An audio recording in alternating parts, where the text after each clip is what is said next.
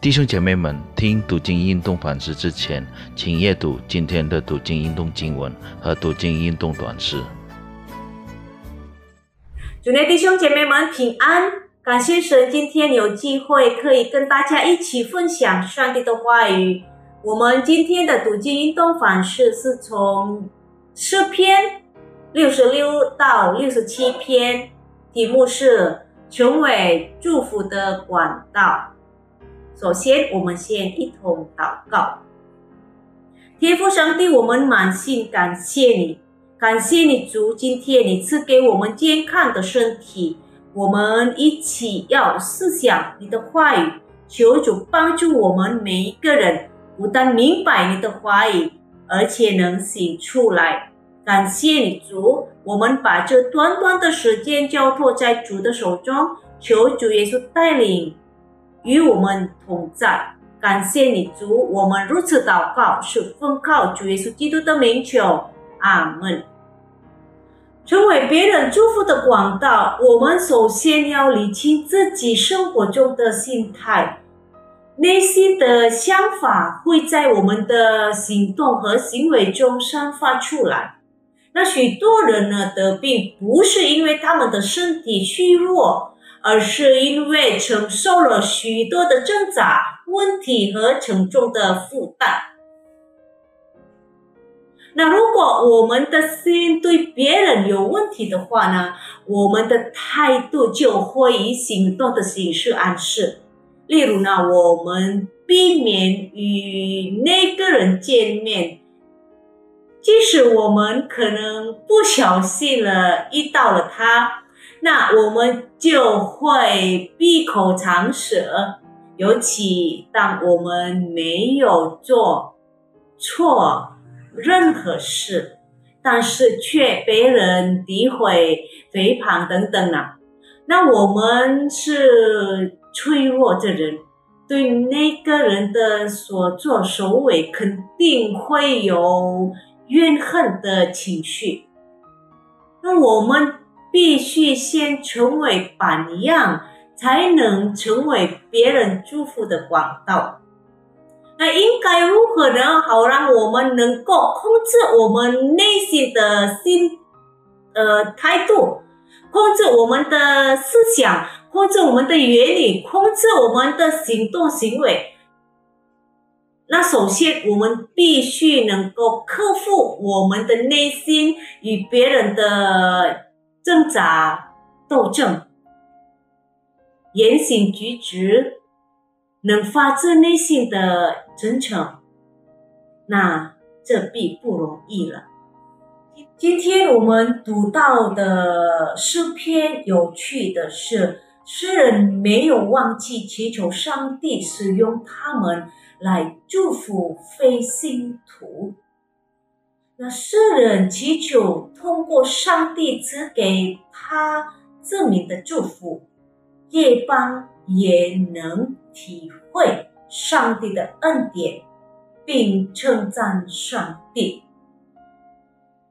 这种请求是符合上帝旨意的请求。那求上帝来帮助我们，让我们有能力。净化我们的心，学会原谅别人，学会为那些亏待过我们的人祷告，对我们有过错的人祷告。那如果我们一心一意向神祈求祷告，我相信神一定聆听我们的祈求，神会把喜乐和平安放在我们的心里，有一颗继续敬贴上帝的心。我们就能成为别人祝福的广告。我们不断的祈求上帝来保护我们的心，好让我们的心像一张白纸，在神的面前过圣洁的生活，讨神喜悦。我们是罪人，在我们生活当中，有时候我们的心弦上起起落落。我们一起学习像耶稣一样宽恕那些冤枉我们的人，这样我们就可以成为别人祝福的管道。弟兄姊妹们，上周我们已经纪念耶稣受难日和庆祝了复活节。主耶稣死在十字架上，他复活胜利，那赐给我们的救恩，这好消息我们可以与周围的人分享，让他们也可以认识救主得永生。弟兄姊妹们，我们是否已经成为别人祝福的管道了吗？啊，我们使用一两分钟的时间，来安静在神的面前。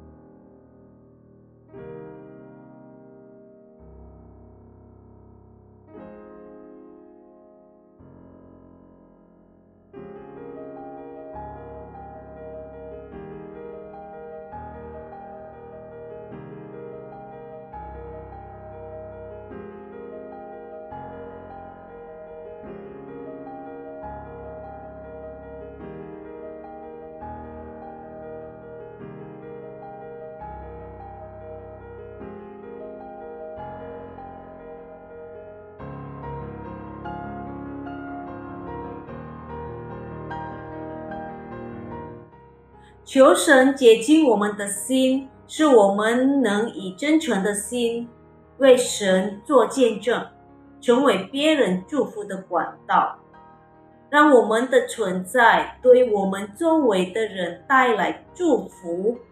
通过我们的生活，他们也感受到你的大爱。信耶稣，感谢你主，感谢你。